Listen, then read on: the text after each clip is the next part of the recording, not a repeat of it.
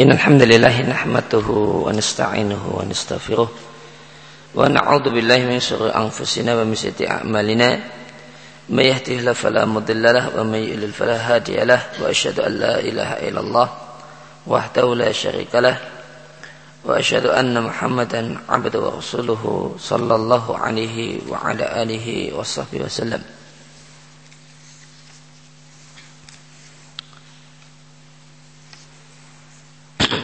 Wabadu. Ikhwatul iman rahimani wa rahimakumullah.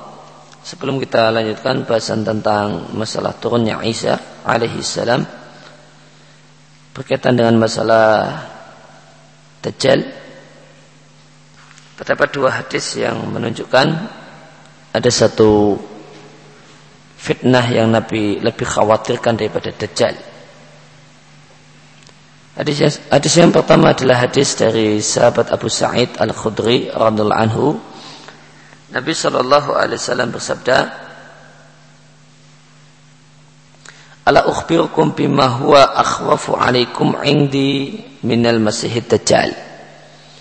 Maka aku beritahukan pada kalian sesuatu yang lebih aku khawatirkan menimpa kalian daripada Masih Ad-Dajjal maka Nabi jawab sendiri, asyirkul khafi itulah kemusyrikan yang samar, yang tidak jelas.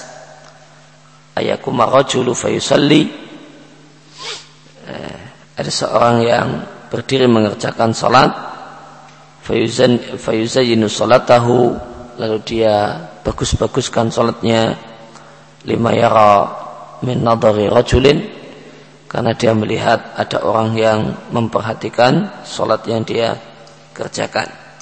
Diatkan oleh Ahmad dan Ibnu Majah dinilai Hasan oleh Al-Albani.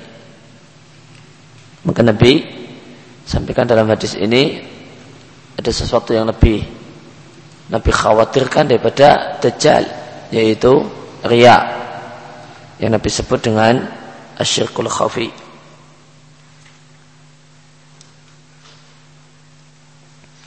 Kemudian yang kedua dari uh, sahabat Abu Dzar radhiyallahu anhu Nabi sallallahu alaihi wasallam bersabda Ghairu tajali akhwafu akhwafu ala ummati min dajjal atau akhwafu ala ummati min dajjal. Ada selain dajjal yang lebih aku takutkan untuk umatku yaitu al-a'immatul mudillun para imam, para pemimpin yang menyesatkan. Jadikan Imam Ahmad dinilai sahih oleh Al-Albani. Maka Nabi katakan yang kedua sesuatu yang lebih khawatirkan, lebih Nabi takutkan daripada Dajjal adalah para pemimpin yang menyesatkan. Dan yang dimaksud dengan pemimpin yang menyesatkan, imam yang menyesatkan di sini mencakup dua macam imam. Pertama adalah imam dunia, a'immatun, a'immatun fi dunia. Para pemimpin dalam urusan dunia, para raja, penguasa, menteri, presiden,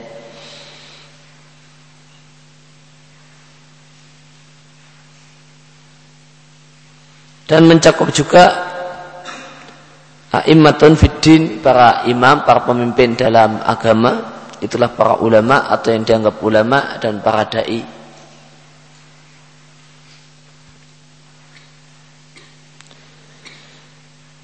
Maka mereka adalah para pemimpin yang memiliki pengaruh untuk bawahannya sehingga jika yang memimpin adalah orang-orang yang sesat dan menyimpang maka bisa dipastikan bawahannya juga sesat dan menyimpang. Ya, jika yang menjadi pemimpin adalah ulama-ulama yang buruk, ya, ulama-ulama yang sesat, tentu orang-orang di bawahnya bisa dipastikan akan ikut-ikutan sesat.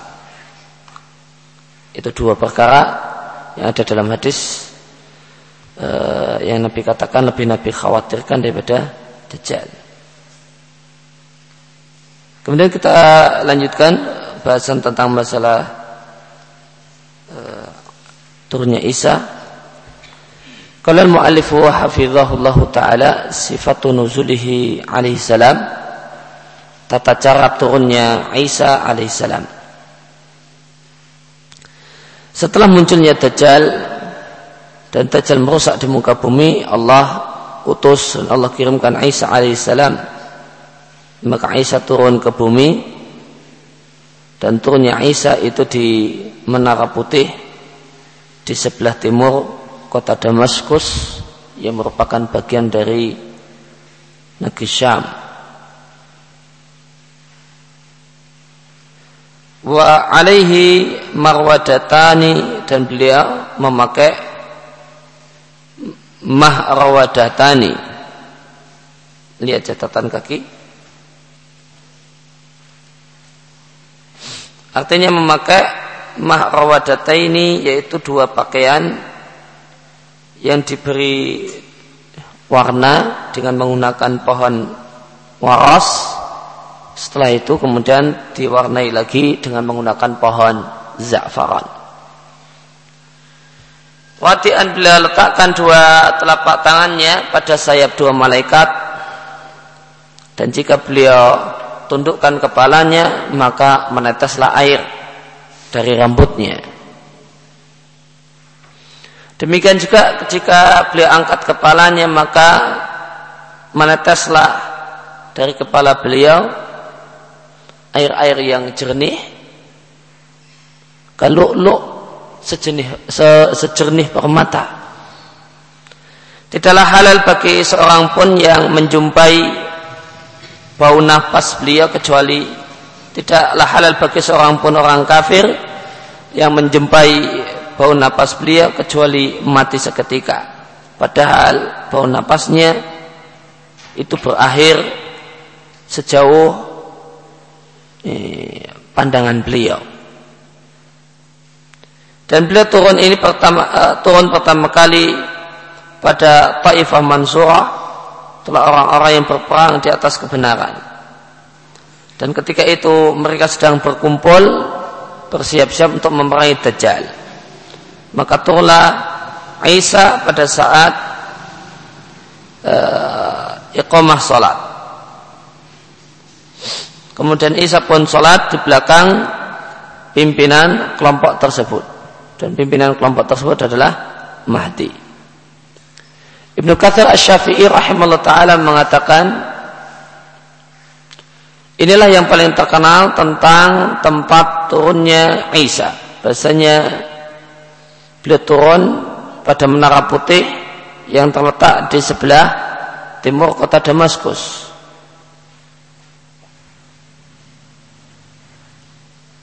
Dan aku lihat di sebagian kitab maksudnya adalah menjelaskan bahasanya Isa akan turun pada menara putih yang ada di sebelah timur Masjid Jami kota Damaskus.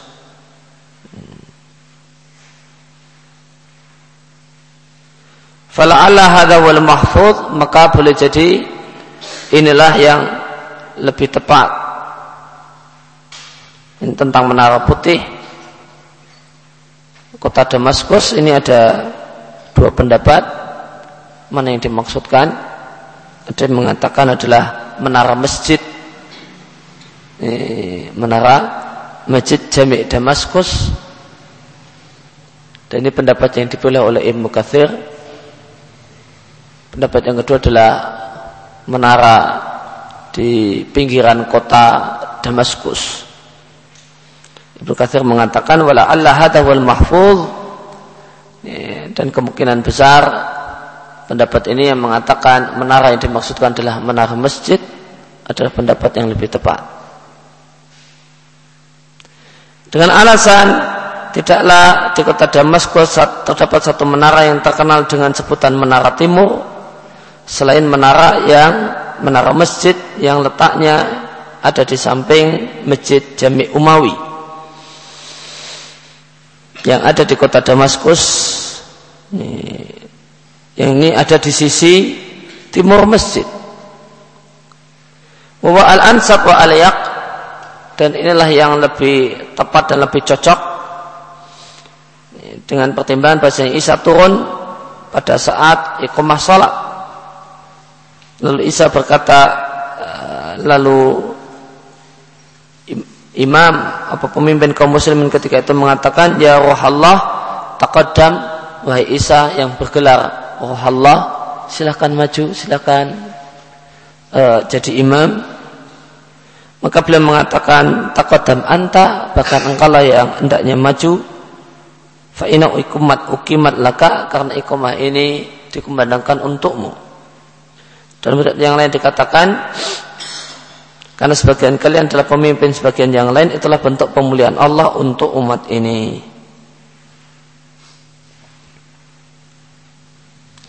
Kemudian uh, Ibnu Kathir menyebutkan bahasanya di zaman beliau pada tepatnya pada tahun 741 Hijriah kaum muslimin memperbarui menara tersebut kemudian menara tersebut diperbarui diganti dengan batu yang berwarna putih. Sehingga tepatlah apa yang Nabi, kata, Nabi katakan, menara putih. Dan pembangunan menara tersebut itu menggunakan hartanya orang-orang Nasrani Allah dia harakul menara yang mereka lah yang memiliki melakukan eh, buat membuat ulah ketika itu membakar menara. Alatikanat makanaha itu menara yang sebelumnya sudah ada di situ dibakar sehingga rusak. Ya, kemudian dibangun awal dari ini, dari awal dibangun lagi dari awal. Itu semuanya dengan biaya harta orang Nasrani. Kemudian menggunakan batu yang berwarna putih. Maka boleh jadi hal ini adalah di antara bukti kenabian yang sangat jelas di mana Allah datangkan pembangunan menara ini dari harta orang-orang Nasrani supaya menjadi tempat turunnya Isa putra Maryam nanti di sana. Setelah dia turun maka dia akan membantai babi, menghancurkan salib dan tidaklah menerima dari manusia uh, tidak menerima jizyah artinya pilihannya adalah uh, Islam. Jika tidak maka diperangi dan dibunuh. Demikian juga pilihan ini diberikan kepada orang-orang kafir selain Nasrani. Sebenarnya hanya diberi dua pilihan masuk Islam atau perang Sehingga di zaman Isa syari, uh, syariat jihad kemudian berhenti karena di dunia tidak ada kecuali kaum muslimin. Kemudian dalam hadis Nawas bin Sam'an yang panjang menceritakan tentang munculnya Dajjal, kemudian turunnya Isa, di sana disebutkan, kemudian Allah menurunkan Al-Masih putra Maryam. Beliau, uh, beliau turun di dekat Menara Putih di timur kota Damaskus mengenakan dua pakaian yang ter, yang dicelup dengan waras kemudian dengan za'faran. Beliau meletakkan dua telapak tangannya pada sayap dua malaikat. Jika beliau menundukkan kepalanya maka meneteslah air karena sebagaimana ciri fisik beliau kepalanya seakan-akan keluar dari dimas, ya, keluar dari kamar mandi. Dan jika beliau angkat kepalanya maka juga menetes dari rambut kepalanya cuman tetesan air yang jernih bagikan permata. Fala yahilu li kafir tidaklah halal bagi satupun orang kafir yang menjumpai bau napas beliau kecuali mati seketika padahal bau napas beliau itu berakhir sejauh pandangan mata beliau. Kemudian Isa akan mengejar mencari dan mengejar Dajjal sehingga Isa berhasil mengejar Dajjal menyal, e, mengejar Dajjal di satu daerah namanya Babulud lalu Isa membunuh Dajjal. Kemudian Isa mendatangi sekelompok orang yang telah Allah lindungi. Maka Isa mengusap wajah-wajah mereka dan menceritakan dan menyampaikan kepada mereka tentang derajat mereka di surga. Dan dalil-dalil tentang turunnya Isa alaihi salam. Uh, mengenai turunnya Isa alaihi salam di akhir zaman adalah satu hal yang ada berdasarkan dalil Quran Sunnah yang sahih mutawatir. Dan itu adalah di antara tanda kiamat besar. Yang pertama adalah dalil turunnya, turunnya Isa berdasarkan ayat Al-Quran. Yang pertama adalah firman Allah Subhanahu wa taala Walamma duriba ibnu Maryam mathalan dan ketika eh, putra Maryam Isa putra Maryam dijadikan sebagai contoh permisalan Ida kamu tiba-tiba kamu minhu yasudun menolaknya di akhir ayat wa innahu la ilmun lisa'ah sesungguhnya Isa adalah pengetahuan untuk hari kiamat. Itu tanda hari kiamat. Maka ayat-ayat ini konteksnya adalah membicarakan Isa alaihissalam dan di akhirnya dikatakan wa innahu ilmu lisa'ah. Artinya turunnya Isa alaihissalam sebelum hari kiamat adalah tanda dekatnya kiamat. Hal ini dikuatkan oleh kiroah yang lain yang membacanya dengan innahu alamun la alamun lisa'ah. Sungguh dia adalah tanda kiamat. Kalau alamun jelas maknanya adalah tanda dan tanda dekatnya kiamat. Inilah kiraah yang diriatkan dari Ibnu Abbas Mujahid dan selain keduanya dari para imam pakar tafsir Dilihatkan Imam Ahmad dengan sanadnya sampai Ibnu Abbas radhiyallahu anhu mengenai tafsir ayat ini wa innahu la ilmun lisa'ah Ibn Abbas mengatakan yang dimaksudkan adalah munculnya Isa putra Maryam sebelum hari kiamat. Al-Hafidh Ibn Kathir mengatakan yang benar domir yaitu hu dalam wa innahu kembali kepada Isa. Fa karena rentetan ayat itu membicarakan Isa. Wastabu ada dan Ibnu Kasir menilai mustahil kalau makna ayat adalah mukjizat yang dibawa oleh Isa yaitu menghidupkan orang yang mati uh, dan menyembuhkan orang yang buta dan orang yang belang dan yang lainnya dan penyakit-penyakit yang lainnya. Maka ada yang memaknai hu di situ adalah mujizat-mujizat Isa. Wa inna maka mujizat-mujizat Isa itu adalah tanda kiamat. Ya, atau bukti adanya dan benarnya kiamat. Tafsiran semacam ini kata Ibnu Katsir mustahil. Wa aba'at min dalika dan lebih mustahil lagi, lebih jauh lagi adalah tafsiran yang diriatkan dari sebagian ulama yang mengatakan bahasa domir hu dalam innahu la ilmu lisa'ah kembali kepada Al-Quran. Maka berdasarkan e, penjelasan di atas, maka Zuhruf ayat yang ke-61 dalil dalil akan turunnya Isa di akhir zaman. Kemudian dalil yang kedua adalah firman Allah Ta'ala wa qaulihim inna qatalna masih Isa bin Maryam. Dan ucapan orang-orang Yahudi bahasanya kami membunuh Masih Isa putra Maryam yang uh, Rasul Allah wa maqataluhu wa masulabuhu padahal mereka orang-orang Yahudi tidaklah membunuhnya dan tidak pula menyalibnya. Walakin subbihalahum akan tetapi diserupakan kepada mereka seakan-akan yang mereka bunuh adalah Isa padahal bukan Kemudian di akhir pada akhirnya wa min ahlil kitab.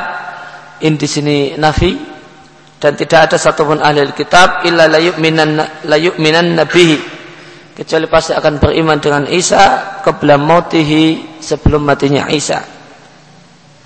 Wa yaumil qiyamati yakunu alaihim syahida dan pada hari kiamat Isa akan jadi saksi untuk mereka. Apakah Isa benar mengajari mereka untuk menyembah dirinya ataukah tidak? Dan tentu saja Isa akan memberikan persaksian kalau dia sama sekali tidak pernah memerintahkan mereka untuk menyembah dirinya dan ibunya. Maka ayat di atas eh, sebagaimana menunjukkan bahasanya orang-orang Yahudi tidaklah membunuh Isa alaihissalam, tidak pula menyalibnya, namun Allah mengangkatnya ke langit. Sebagian dalam ayat yang lain, Allah dan ingatlah ketika Allah berfirman, Ya Isa, wa Isa, ini mutawafika wa rafi'uka ilayya. Sesungguhnya aku menggenggam nyawamu, wa rafi'uka ilayya dan aku mengangkat dirimu ke sisiku. Eh, dan ayatnya ada di antara ayat menuju uh, yang menjadi dalil al-ulu. Dalil bahasanya Allah Subhanahu wa taala di atas sana. Karena Allah katakan wa rafi'uka ilayya dan aku mengangkat dan menaikkanmu dan yang namanya naik dari bawah ke atas. Fa innaha maka ini juga menunjukkan bahasanya di antara ahli kitab akan terdapat orang-orang di antara Nasrani akan terdapat orang-orang yang beriman dengan Isa alaihissalam dengan iman yang benar di akhir zaman yaitu saat turunnya Isa di akhir zaman dan sebelum matinya Isa. Sebagaimana terdapat dalam hadis-hadis yang mutawatir dan kalau hadis itu mutawatir ya, maka jelas sahih. Ini perlu ditegaskan pun juga sudah sahih. Di catatan kaki disampaikan bahasanya turunnya Isa adalah turun yang hakiki bukanlah yang dimaksudkan dengan turunnya Isa dan uh, dan hukumnya Isa dan Isa menghukumi di muka bumi di akhir zaman adalah kinayah kiasan dengan pengertian kemenangan roh Isa dan rahasia kerasulan beliau pada manusia. Artinya akan dominan di tengah-tengah manusia al-amri birahmah perintah untuk menyebarkan kasih sayang, rasa cinta dan kedamaian dan mengambil maqasid syariah tanpa tanpa berhenti hanya pada zahir syariah saja. Maka memaknai turunnya Isa dengan semacam ini telah menyelisih hadis-hadis mutawatir yang menyatakan bahasa Isa itu turun dengan roh dan jasadnya sebagaimana dia diangkat dengan roh dan jasadnya alaihi salatu wassalam. Maka ada orang yang mengatakan turunnya Isa maknanya adalah yang dominan di muka bumi adalah inti ajaran Isa tentang kasih sayang, kedamaian dan semacam itu. Ini adalah makna yang tentu saja tidak tepat menyelisihi dalil-dalil yang ada. Kemudian Syekhul Islam Taqiyuddin Abdul Abbas Ibnu Taimiyah dalam jawaban beliau yang diberi eh, yang beliau eh, jawaban yang uh, jawaban beliau untuk satu pertanyaan yang ujiha ilaihi ditujukan kepada beliau tentang wafatnya Isa dan diangkatnya Isa. Beliau katakan alhamdulillah Isa alaihissalam hayyun. Isa alaihissalam sampai saat ini adalah hidup di langit.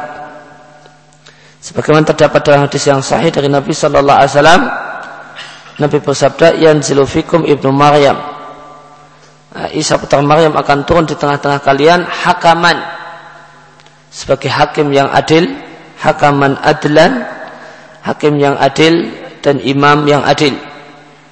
Dia akan mematahkan palang-palang salib dan membunuh babi. Uh, berdasarkan hadis ini, sebagian ulama yaitu Syafi'iyah ya, dan yang lainnya dan yang sejalan dengannya ber, e, mengatakan bahasanya babi adalah di antara binatang yang diperintahkan untuk dibunuh. Hmm. Babi adalah di antara binatang yang diperintahkan oleh e, untuk dibunuh karena Nabi menceritakan hal ini. E, Nabi menceritakan hal ini dan beliau ikrar memberikan persetujuan atas apa yang dilakukan oleh Aisyah. Maka di antara daftar binatang yang diperintahkan untuk dibunuh adalah babi. Wa yada'ul jizyata dan menghilangkan jizya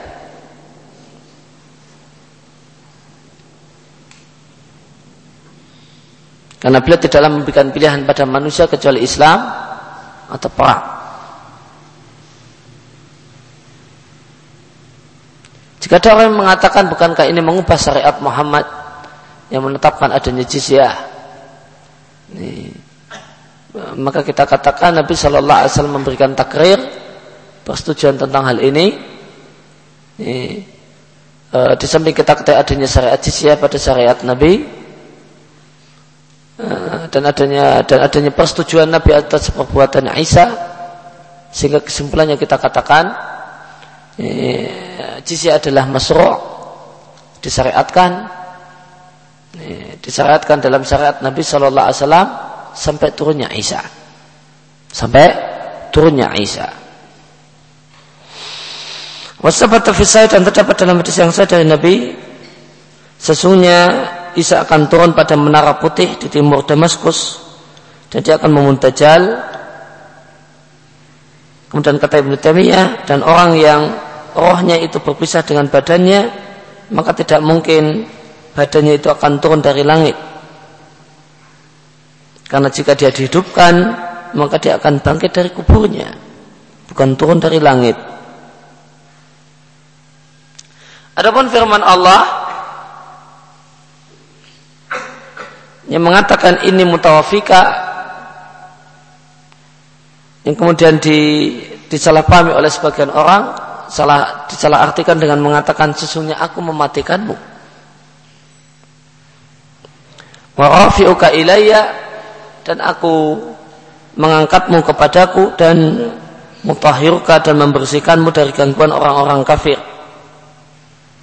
maka mutawafika dalam ayat ini tidak bukanlah dalil lam yakni Fadha dalilun maka ayatnya adalah dalil ala anahu lam yakni bidzalikal maut. Tidak, tidaklah Allah maksudkan dengan kata-kata mutawafika adalah kematian. Karena seandainya yang Allah maksudkan dengan mutawafika adalah kematian, niscaya Isa dalam masalah itu sebagaimana umumnya orang-orang yang beriman Karena Allah Subhanahu wa taala mematikan arwah uh, menggenggam arwah orang-orang yang beriman yang telah mati dan dibawa naik ke langit. Fa'ulima maka kita ketahui bahasanya laisa fi dzalika khasiyah bahasanya Isa tidak memiliki keistimewaan jika demikian. Jika mutawafika maknanya adalah mematikanmu, mewafatkanmu. Ditambah lanjutan ayat wa mutahhiruka minalladzina kafaru dan membersihkanmu dari orang-orang kafir. Seandainya roh Isa telah berpisah dengan jasadnya, niscaya badan Isa di bumi sebagaimana badan para nabi yang lain, atau minal anbiya atau badan para nabi yang lain. Padahal Allah Subhanahu wa taala berfirman dalam ayat yang lain, Tidaklah mereka orang-orang Yahudi membunuhnya tidak pula menyalibnya akan tapi disumpahkan pada mereka. Wa innalladzina ikhtalafu fihi dan sungguh orang yang berselisih tentang Isa apakah Isa disalib ataukah tidak. La fi syakkin minhu. Mereka pun ragu-ragu dengan pendapat masing-masing keduanya. Malam bimin ilmin illa tiba karena yang mengatakan Isa disalib ataukah tidak tidaklah mereka kecuali mengikuti prasangka wa maqataluhu yakina dan tidaklah mereka orang-orang Yahudi yakin telah membunuh Isa. Bal rafa'ahu Allahu ilaih. Bahkan Allah telah mengangkatnya ke sisinya maka firman Allah di sini bahkan Allah mengangkatnya ke sisinya yubayinu menjelaskan bahwasanya Isa itu diangkat dengan badan dan bersama rohnya sebagaimana terdapat dalam hadis yang sahih bahasanya Isa turun dengan badan dan roh. Itlau urida karena seandainya yang dimaksudkan bahasanya Isa itu telah mati, tentu bunyi ayatnya bukan wa maqtalu wa masalabuhu walakin subihalahum namun harusnya bunyi ayatnya wa maqtalu wa masalabuhu bal mata. Nah, harusnya bunyi ayatnya demikian. Maka tidaklah tepat walakin subihalahum terus bal rafa'ahu Allah rafa'ahu Allah ilaih kecuali maknanya Isa belum mati.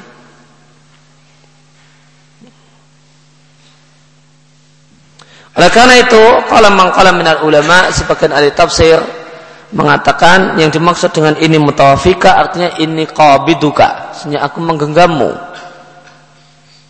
Artinya aku menggenggam roh dan badanmu. Sebagaimana dalam bahasa Arab ada kata-kata tawafaitu al-hisaba wastafaituhu artinya qabidul hisaba.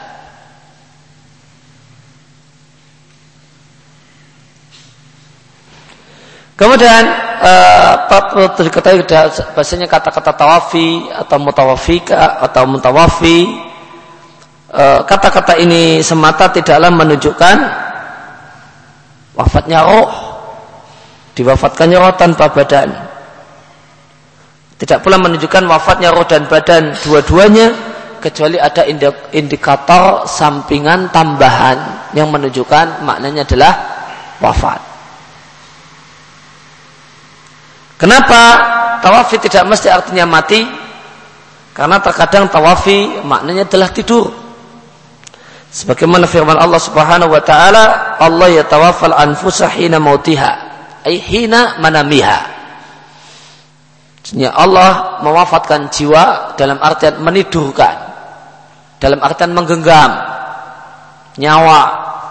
Hina mautiha ketika tidurnya manusia. Walladhi yatawafakum bil lail.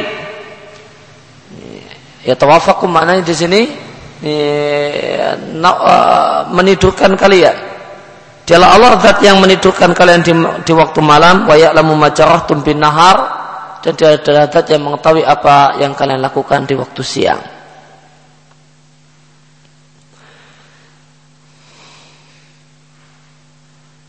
Nah kalau ada indikator tambahan maka barulah tawafa itu maknanya kematian semisal dalam ayat hatta idza jaa ahadakumul mautu tawafathu rusuluna. Sehingga jika datang kepada salah satu mereka al maut kematian ada kata-kata ya, datang pada mereka kematian tawafathu rusuluna maka tawafa di sini artinya mematikan. Namun Eh, jika demikian tidak tidak mesti maknanya adalah mematikan. Jika tidak ada korina. Demikian keterangan di Majmu' Fatawa. Uh, Ibnu Taimiyah rahimahullah taala. Maka tentang ini mutawafika itu terdapat banyak penjelasan ulama tentang maknanya. Tadi yang telah dipaparkan atau disampaikan oleh Abu Abbas Ibn Taimiyah eh, mutafika maknanya adalah qabiduka. Kemudian penjelasan yang kedua mengatakan bahasa mutawafika artinya adalah mematikanmu. Namun ini tidak, ini bukanlah maknanya artinya mematikanmu eh, pada saat mematikan Isa pada saat ya, waktunya dia untuk mati yaitu setelah turun ke bumi. Kemudian mereka mengatakan karena wawu tidak menunjukkan urutan. Lianal at lianal atfa bil waw la yufidu tartib. Maka tidak masalah. Mutawafika kita artikan mematikan. Artinya ya Allah lah yang akan mematikan Aisyah namun ini mutawafika wa rafi'uka itu tidak menunjukkan urutan. Tidak menunjukkan urutan. Kenapa? Karena menggunakan wow, tidak menggunakan fa, tidak menggunakan summa. Jadi tidak masalah diartikan mem mematikan juga no problem. Eh, karena ayat ini tidak menunjukkan urutan bahasanya Allah mematikan Isa terlebih dahulu kemudian mengangkatnya sehingga yang diangkat hanyalah roh saja tanpa badan.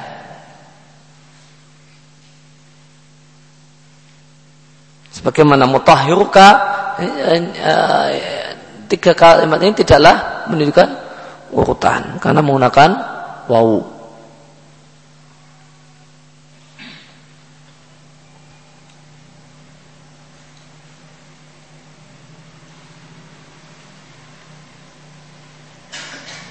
Dan penjelasan yang lain untuk tafsir ayat ini uh, sebagian tafsir mengatakan ini adalah ayat yang maknanya fihi takdim wa takhir. Ayat yang uh, didahulukan sesuatu yang harusnya dibelakangkan. Sehingga uh, maknanya adalah ini rafi'uka ilayya wa mutahhiruka minalladina kafaru wa mutawafika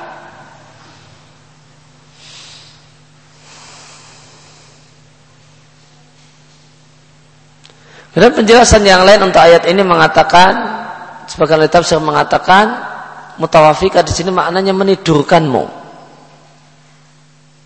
Maka Allah tidurkan kemudian Allah bangkit Allah uh, Allah naikkan Allah naik ke atasnya, ke sisinya. Sehingga mutawafika itu tetap tidak ada di sana takdim dan takhir, tetap tepat tempatnya di situ, namun maknanya adalah tidur bukan mati. Sesungguhnya aku menidurkanmu dan dalam keadaan tidur itu aku mengangkatmu ke sisiku. Itu beberapa penjelasan ahli tafsir tentang makna mutawafika. Walaisal kalam fi hadzal bas akan tapi pembicaraan dalam e, buku ini kita tidak membicarakan tentang pengangkatan Isa alaihissalam. Cuma di sini kita bicarakan hal tersebut libayan untuk menjelaskan bahwasanya yang diangkat adalah badan dan roh Isa. Dan sesungguhnya Isa itu sampai sekarang hidup di langit dan dia akan turun di akhir zaman dan dia akan turun dengan roh dan badannya sebagaimana dia diangkat dengan roh dan badannya. Dan akan beriman dengan Isa pada saat itu mangkana maujudan orang-orang yang ada ahli kitab yang ada dan hidup saat itu. Sebagaimana firman Allah wa imin ahli kitab illa yu'minan nabihi qabla mauti. Dan tidak adalah tidak tidak ada satupun ahli kitab kecuali beriman dengannya sebelum matinya Isa. Ibnu Jarir atau Bari mengatakan hadasana Ibnu Bashar qal hadasana Sufyan an Abi Husain an Sa'id bin Jubair an Ibnu Abbas. Dari Ibnu Abbas tentang mana ayat wa min ahli kitab ila yu'minanna bihi qabla mautih qal Ibnu Abbas mengatakan maksudnya sebelum matinya Isa putra Maryam. Ibnu Katsir mengatakan ini adalah sanad yang sahih. Dan Ibnu Jarir setelah membawakan berbagai pendapat tentang mana ayat ini, dan beliau katakan wa aula aqwal bisiha pendapat atau penafsiran yang paling benar adalah pendapat yang mengatakan takwilu dalika artinya tafsiru dalika salah satu mana takwil adalah tafsir. Takwilu dalika yaitu tafsirnya adalah tidak ada satupun ahli kitab kecuali akan beriman dengan Isa sebelum matinya Isa yaitu di akhir zaman. Dilihatkan dengan uh, Ibnu Jarir meriatkan dengan sanatnya dari Al Hasan Al Basri Al Hasan Al Basri mengatakan yaitu sebelum matinya Isa. Wallahi kata Al Hasan Al Basri demi Allah innahu al-an. Isa saat ini masih hidup di sisi Allah akan tapi ketika e, namun ini ketika Isa telah turun, maka mereka semua akan beriman dengannya. Ibnu Katsir juga mengatakan tidaklah diragukan bahasanya penafsiran dan pendapat yang dipilih oleh Ibnu Jarir itulah yang benar.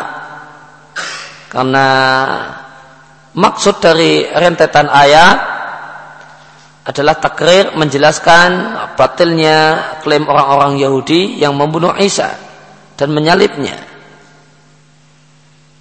Wa tasliman sallama lahum dan diserahkannya orang-orang yang diserahkan kepada mereka, kepada orang-orang Yahudi.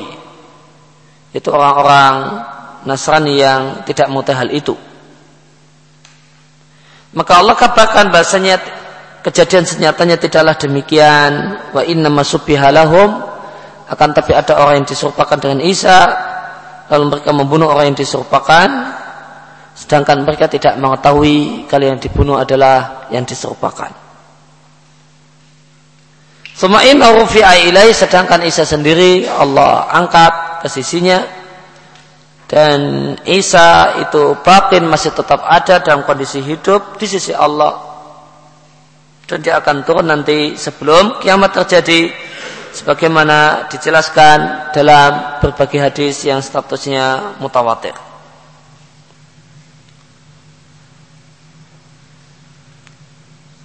Wadakara kemudian Ibnu Katsir menyebutkan Anauruya an Ibnu Abbas diriatkan dari Ibnu Abbas dan yang lain bahasanya Ibnu Abbas mengembalikan domir dalam kata-kata qabla mautih kepada ahli kitab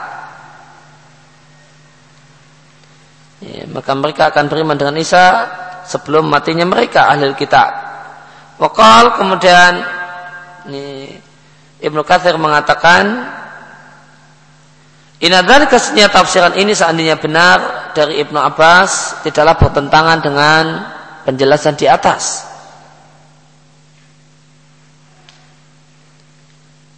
Tidak ada masalah dengan tafsiran tersebut. Walaupun as-sahih kan tapi yang yang benar tentang maknanya eh, dan sahih sanatnya adalah apa yang telah kami sebutkan bahwasanya qabla mautihi itu haknya kembali kepada Isa.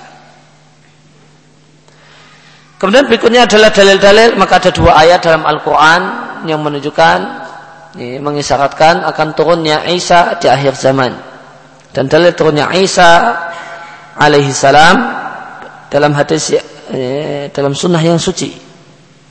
Dalil-dalil dari hadis tentang turunnya Isa alaihissalam sangat banyak dalam mutawatir sebagiannya e, telah disebutkan dan akan aku sebutkan di sini sebagian yang lain dan tidak seluruhnya karena khawatir nanti buku ini akan jadi terlalu tebal jika disebutkan seluruhnya. Diatkan oleh Bukhari dan Muslim dari Abu Hurairah radhiallahu anhu Rasulullah sallallahu alaihi wasallam bersabda demi Allah zat yang jiwaku ada di tangannya sebentar lagi yanzil fikum akan turun di tengah-tengah kalian putra Maryam hakaman adlan sebagai hakim yang adil. Dia akan menghancurkan palang salib, membunuh babi dan menghilangkan peperangan, menghapus jihad. Ya, benar al-harb di situ. Tertulis al-harb. Ya, cetakan baru. Harb wa wayatul harb dan menghilangkan jihad.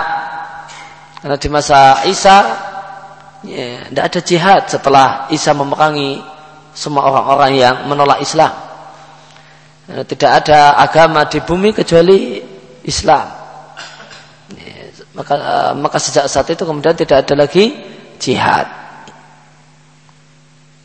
wa yafidul mal dan harta berlimpah ruah hatta laikbal ahadun sehingga tidak ada seorang pun yang mau menerima bantuan harta. Karena harta telah demikian berlimpah. Hatta takuna sajadah wahida khairan minat dunya wa ma fiha. Dan ketika itu satu sujud yaitu satu rakaat dari salat itu lebih berharga daripada dunia dan seisinya artinya manusia pada saat itu ini, ke, uh, keinginan mereka sangat besar untuk mengerjakan sholat dan berbagai macam ketaatan karena mereka adalah orang yang tidak berpanjang angan-angan dan mereka adalah orang-orang yang zuhud di dunia dan mereka yakin kiamat sudah demikian dekat.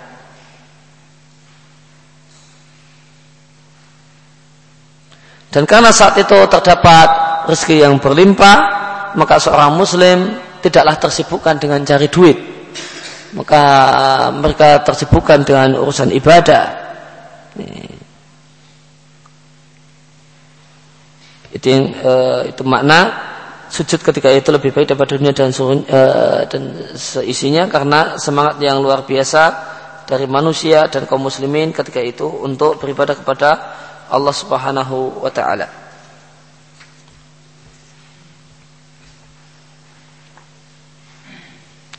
Thumayakulu Abu Hurairah kemudian Abu Hurairah mengatakan ikra'u in syi'tum bacalah jika kalian mau firman Allah wa imin ahli kitab illa la yu'minan nabihi qabla mautih wa yaumil qiyamati yakuna alaihim syahida dan e, tidaklah ahli kitab kecuali akan beriman dengan Isa sebelum matinya Isa. Maka di sini terdapat penafsiran dari Abu Hurairah radhiallahu anhu untuk ayat ini. Maka Abu Hurairah menafsirkan bahasa yang dimaksud e, bi anal murad biha bahasa yang dimaksudkan bahasanya Eh, di antara ahli kitab nanti akan ada orang yang beriman dengan Isa sebelum matinya Isa yaitu saat turunnya Isa di akhir zaman. Sebagaimana penjelasan yang telah lewat. Dan hadis yang baru saja kita baca yang diatkan Bukhari dan Muslim dari Abu Hurairah adalah dalil. Ini bahasanya yang tepat yang benar ketika seorang itu membaca Al-Quran tidak dalam rangka membaca namun dalam rangka istidlal dalam rangka menyebutkan dalil dalam rangka menjelaskan ayat. Nih, maka dikutip dalam rangka demikian maka cukup langsung membaca ayat tanpa ta'awud dan basmalah. Karena Abu Hurairah mengatakan nih, bukti benarnya apa yang telah aku katakan dalil apa yang aku katakan ikau in Bacalah jika kalian mau Bain min ahli kitab dan seterusnya.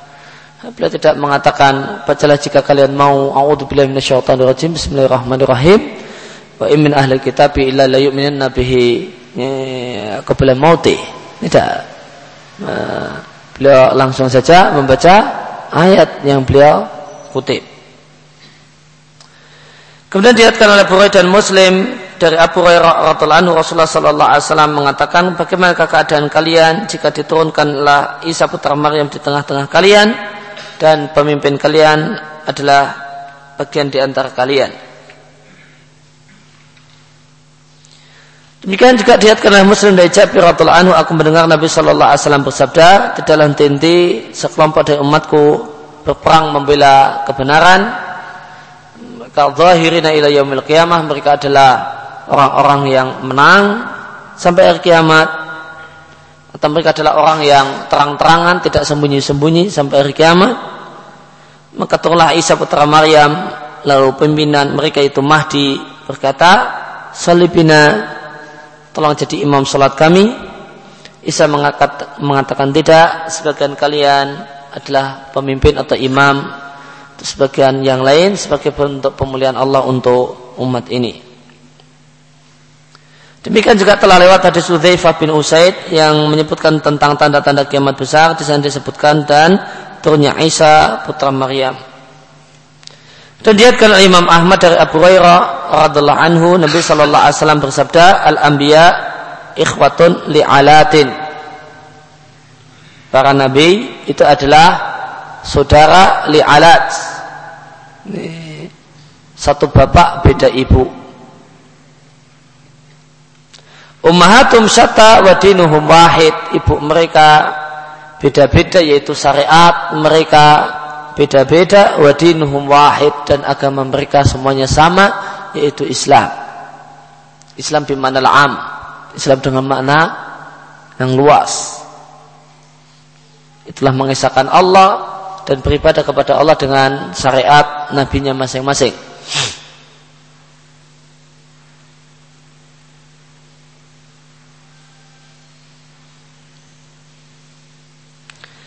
Maka hadis ini menunjukkan bahasanya agama semua para nabi itu sama, yaitu al-Islam. E, e, sedangkan yang membedakan antara satu nabi dengan nabi lain adalah rincian syariat. E, dan nabi yang e, agama mereka semua sama dengan pokok tauhid, itulah yang dimaksud dengan bapak mereka sama. Sedangkan rincian syariat itu berbeda antara satu dengan yang lain, itulah yang dimaksud dengan ibu mereka berbeda-beda. Wa ini aulan nasi bi Isa ibni Maryam dan aku adalah manusia yang paling dekat dengan Isa putra Maryam. Kenapa? Lianu lam yakun baini wa bainahu nabiyyun. Karena tidak ada antara aku nabi yang lain. Setelah Isa tidak ada lagi nabi kecuali Muhammad sallallahu alaihi wasallam. Wa inna nazilan dan dia akan turun maka jika kalian melihatnya maka kenal, kenalilah dia.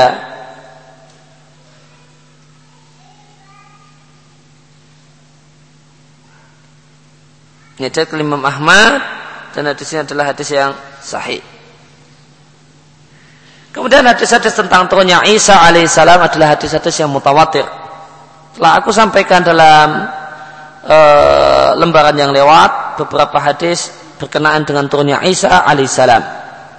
Dan tidak aku sebutkan semua hadis berkenaan berkaitan dengan turunnya Isa karena khawatir akan semakin tebalah buku ini. Dan terdapat berbagai hadis tersebut di kitab kitab sahih Sahih Bukhari, Sahih Muslim, kitab Sunan, kitab Musnad, dan jenis-jenis buku hadis yang lain. Eh, min dawawini sunnah dari buku-buku hadis. Dan hadis-hadis di atas menunjukkan dengan tegas adanya turunnya Isa alaihissalam di akhir zaman. Dan tidak ada hujah bagi orang yang menolaknya. Ataupun mengatakan bahasanya hadis-hadis tersebut hadis ahad yang tidak bisa jadikan hujah atau mengatakan bahasanya turunnya Isa bukanlah akidah kaum muslimin yang wajib diimani.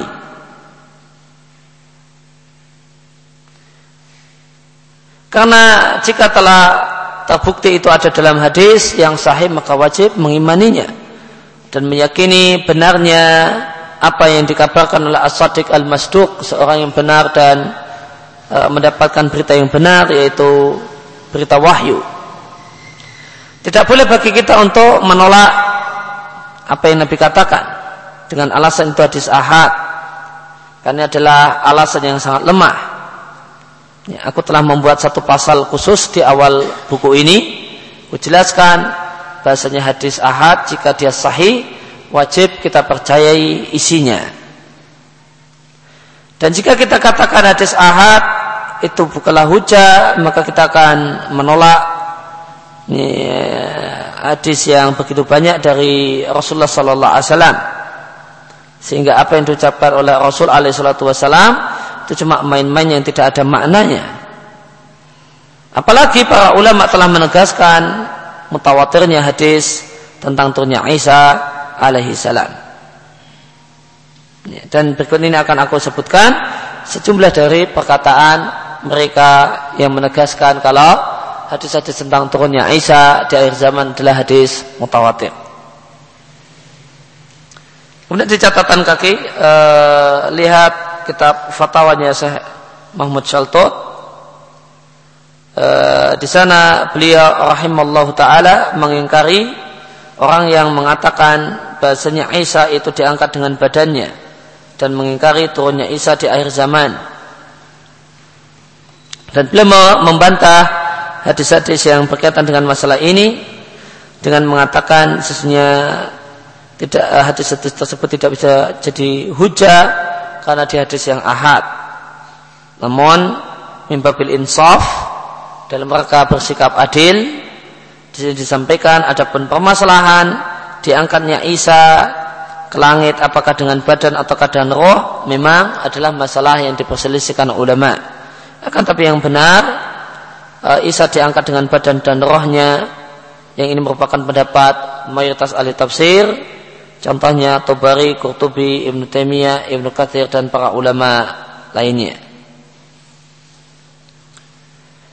Ya kemudian di sini ada kutipan tentang para ulama yang menegaskan hadis-hadis tentang turunnya Isa di akhir zaman adalah hadis yang mutawatir. Abu Jari atau Bari mengatakan setelah menyebutkan khilaf perselisihan tentang makna wafatnya Isa yaitu tentang wa ini mutawafika apa itu maknanya? Beliau katakan pendapat yang paling te, uh, tepat untuk dinilai sahih menurut kami adalah pendapat yang mengatakan maknanya sesungguhnya aku menggenggammu dari bumi dan mengangkatmu ke sisiku. Mengingat terdapat hadis-hadis yang mutawatir dari Rasulullah Sallallahu Alaihi Wasallam bahasanya Rasul bersabda Isa putra Maryam akan turun di ke bumi dan membunuh eh, dan akan membunuh Dajjal. Dan setelah itu beliau bawakan beberapa hadis berkaitan dengan turunnya Isa di akhir zaman. Ibnu Katsir Asy-Syafi'i mengatakan tawataratil ahadis. telah mutawatir hadis-hadis dari Rasulullah Sallallahu Alaihi Wasallam yang mengkabarkan tentang turunnya Isa Alaihissalam sebelum terjadinya hari kiamat. Dia akan turun sebagai pemimpin yang adil dan hakim yang adil. Kemudian Ibnu Katsir menyebutkan lebih dari 18 hadis tentang turunnya Isa di akhir zaman.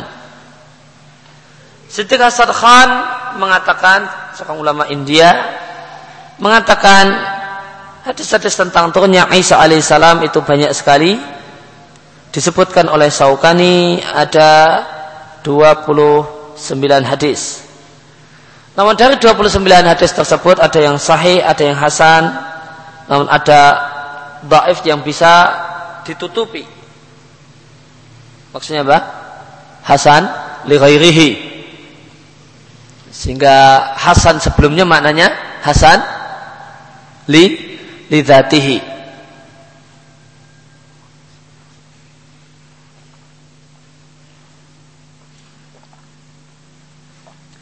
Maka 29 hadis tersebut ada yang sahih, ada yang hasan itu has, hasan lidzatihi atau daif namun daif yang bisa ditutupi kekurangannya artinya hasan li.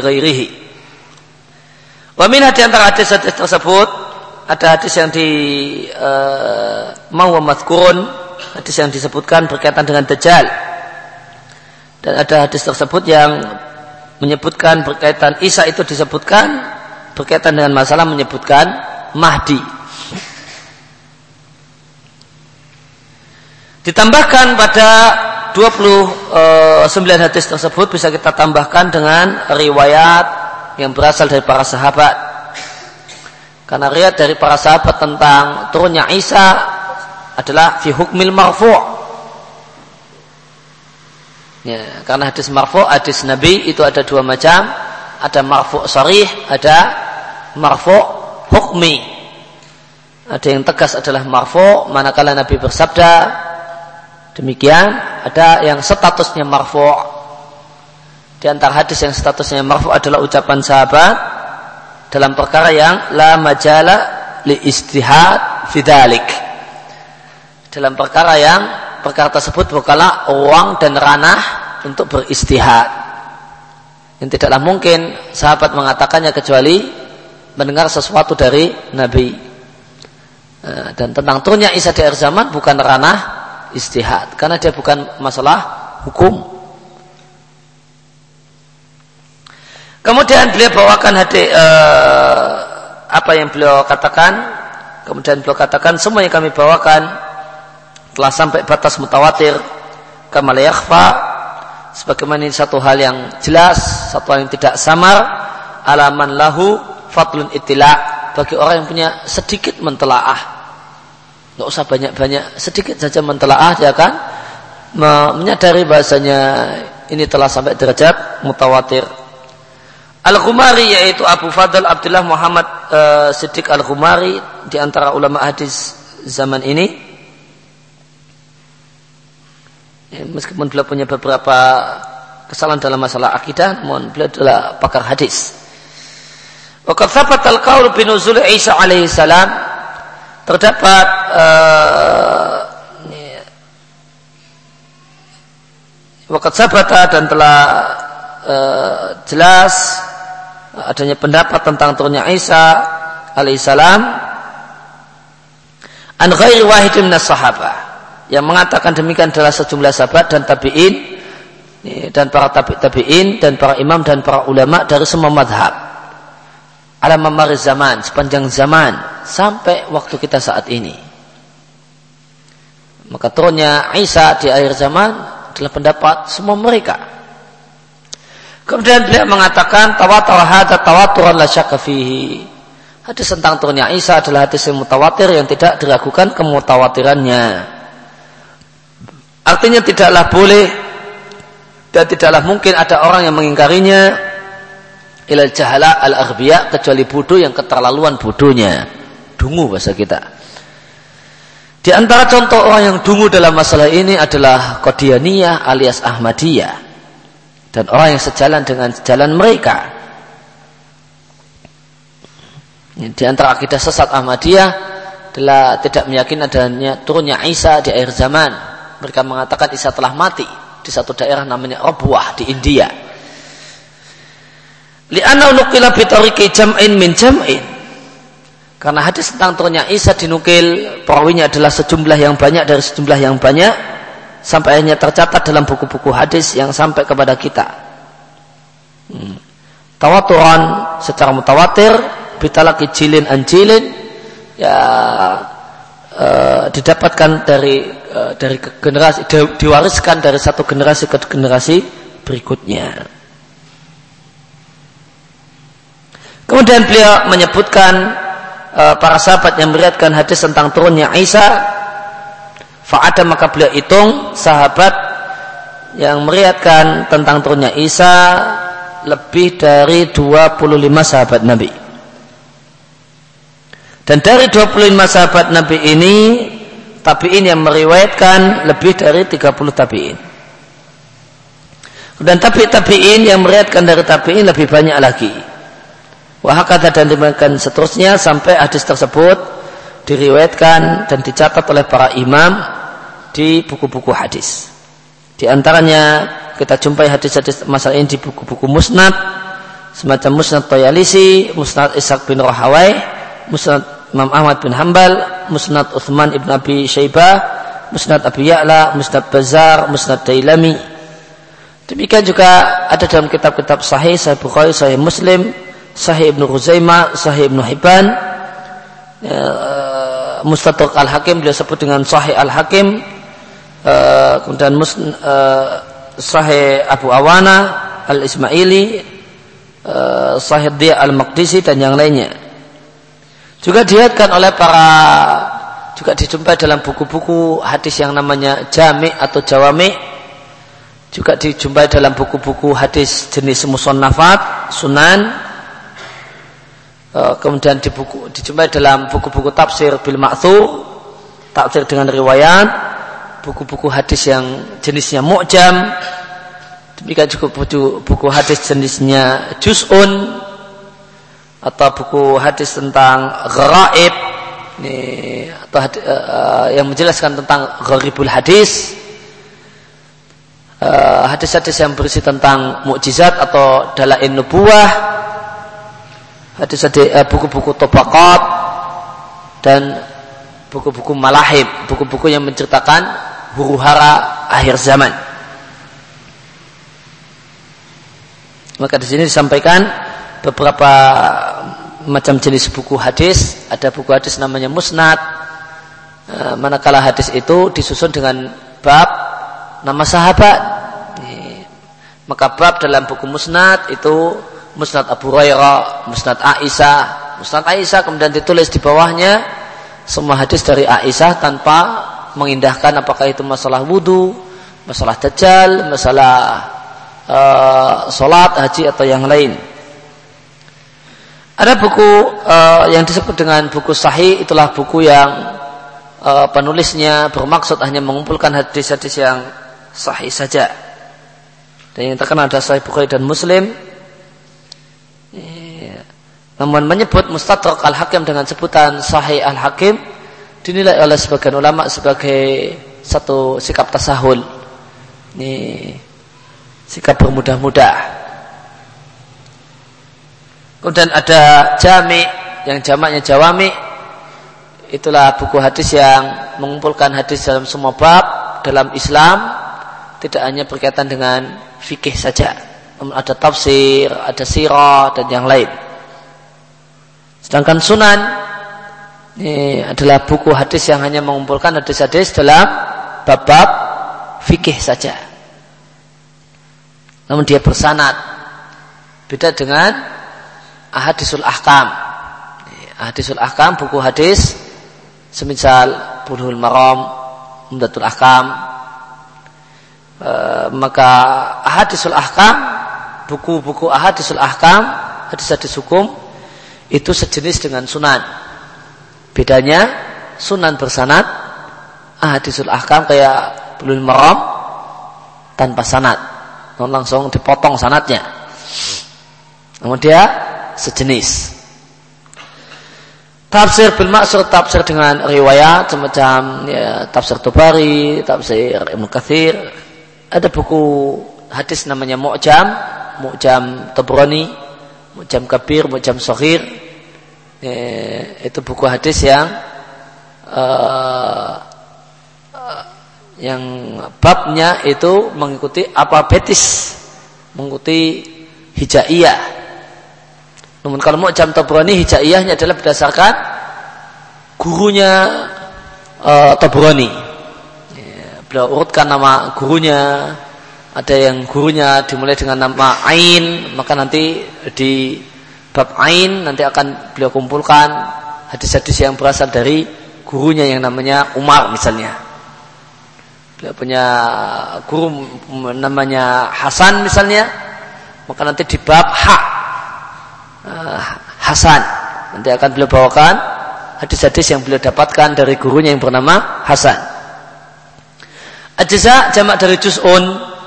Juz'un adalah buku hadis yang mengumpulkan hadis-hadis atau riwayat dalam satu bab.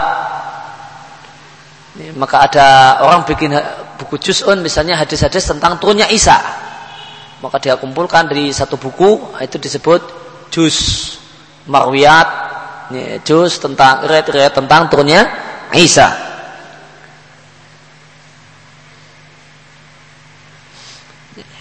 Tabaqat itu salah satu buku uh, dalam ilmu hadis yang berisi tentang sejarah yang terkenal adalah Tabaqat Ibnu Sa'ad.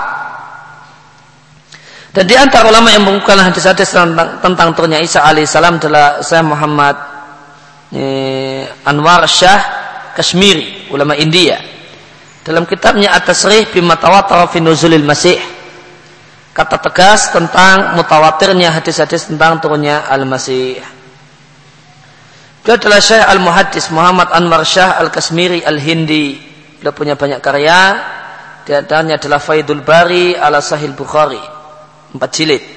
Al-Arf Al-Arfus Sabi Bau Kasturi ala Jami' Tirmidhi Sarah untuk Jami' Tirmidzi dan yang lainnya. Beliau meninggal dunia pada tahun 1352 Hijriah di satu kota namanya ini, Diwandi atau semacam itu. Mullah alam bacanya gimana?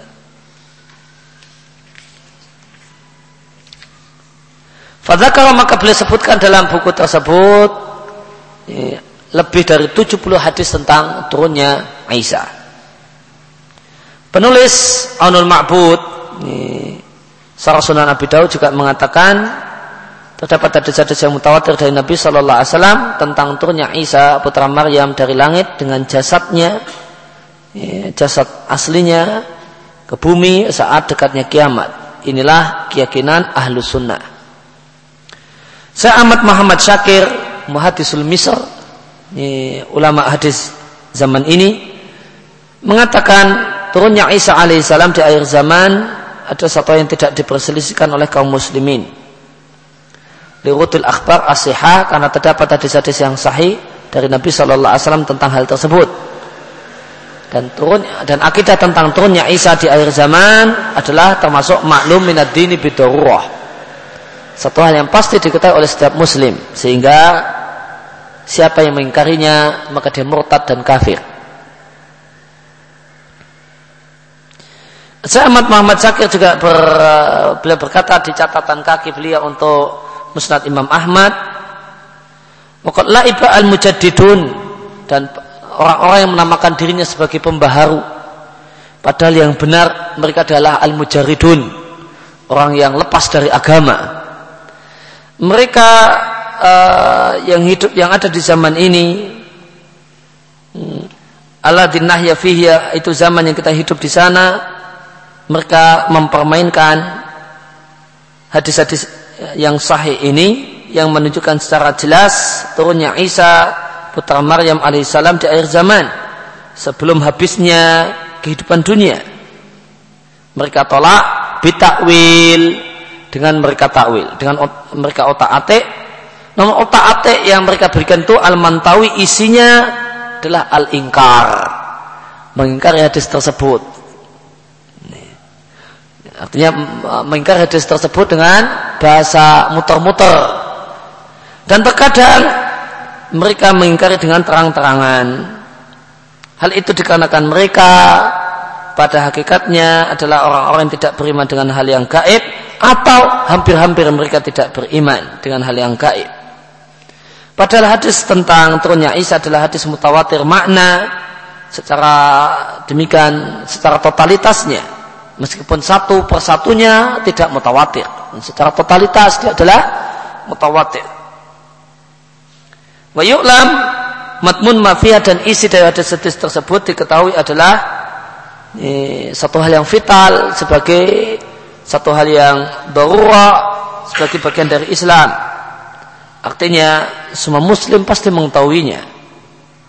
Maka pengingkaran mereka dan takwil mereka la yujdihim tidaklah bermanfaat bagi mereka sedikit pun. Kemudian saya Muhammad Nasruddin Al-Albani rahimahullah taala mengatakan, "I'lam ketahuilah bahasanya hadis-hadis tentang Dajjal, turunnya Isa alaihissalam, seluruhnya adalah mutawatir, wajib untuk diimani." Jangan tertipu dengan orang yang mengaku yang mengklaim kalau hadis-hadis tentang Dajjal dan Isa adalah hadis ahad. Karena klaim mereka tersebut adalah klaim yang diucapkan oleh orang yang bodoh tentang ilmu hadis. Dan mereka bukanlah orang yang menelusuri dan mengumpulkan sanad-sanad hadis. Seandainya mereka mau melakukannya, mereka akan jumpai bahasanya hadisnya mutawatir sebagaimana persaksian para ulama pakar ilmu hadis semacam Al-Hafidh Ibnu Hajar. Dan satu hal yang sangat disayangkan sekali, lancanglah sebagian orang berbicara dalam sesuatu satu ilmu yang bukan spesialisasinya. Nah, siama terlebih lagi perkaranya adalah masalah agama dan akidah. Dan terdapat perkataan yang bagus diucapkan oleh Al-Hafidh Ibnu Hajar, "Man takallama fi ghairi fannihi ata bil ajaibi." Man takallama fi ghairi fannihi ata bil ajaibi. Siapa yang uh, mencoba bicara dalam sesuatu yang bukan faknya, eh, sesuatu yang bukan spesialisasinya, atau bil ajaibi maka dia akan berkata dengan perkataan yang menakjubkan dan mengherankan atau banyak hal yang mengherankan yang dia ucapkan dan dia katakan. Dan turunnya Isa alaihissalam itu disebutkan oleh sejumlah ulama sebagai bagian dari akidah alusunnah wal jamaah. Dan bahasa uh, Isa itu akan turun untuk membunuh Dajjal. Semoga Allah menjelekkannya. Di antaranya adalah Imam Ahmad bin Hambal dalam kitab beliau Usul Sunnah. Beliau mengatakan Usul Sunnah ingdana pokok-pokok akidah alusunnah, pokok-pokok akidah yang benar menurut kami adalah berpegang teguh dengan makana alaihi ashabu rasulillah pemahaman dan akidah para sahabat menadani mereka dan meninggalkan semua bid'ah dan semua bid'ah adalah kesesatan dan beliau menyebutkan sejumlah akidah ahlu sunnah di antaranya dan beriman bahasanya masih ada jal akan keluar dan tertulis di antara dua matanya kafirun. Eh, dan beriman dengan hadis-hadis berkaitan dengan masalah dajjal dan mengimani bahasanya itu akan terjadi dan juga beriman bahasanya Isa akan turun untuk membunuh dajjal di kampung Babulud. Ya, demikian yang kita baca kesempatan pagi hari ini. Uh, wa sallallahu ala nabiyina Muhammadin wa ala alihi wa sahbihi wasallam baru da'wana alhamdulillahi rabbil alamin subhanakallahumma bihamdika asyhadu an la ilaha illa anta astaghfiruka wa atubu ilaik